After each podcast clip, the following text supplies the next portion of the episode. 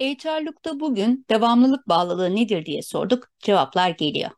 Devamlılık bağlılığı çalışan bağlılığının bir çeşididir.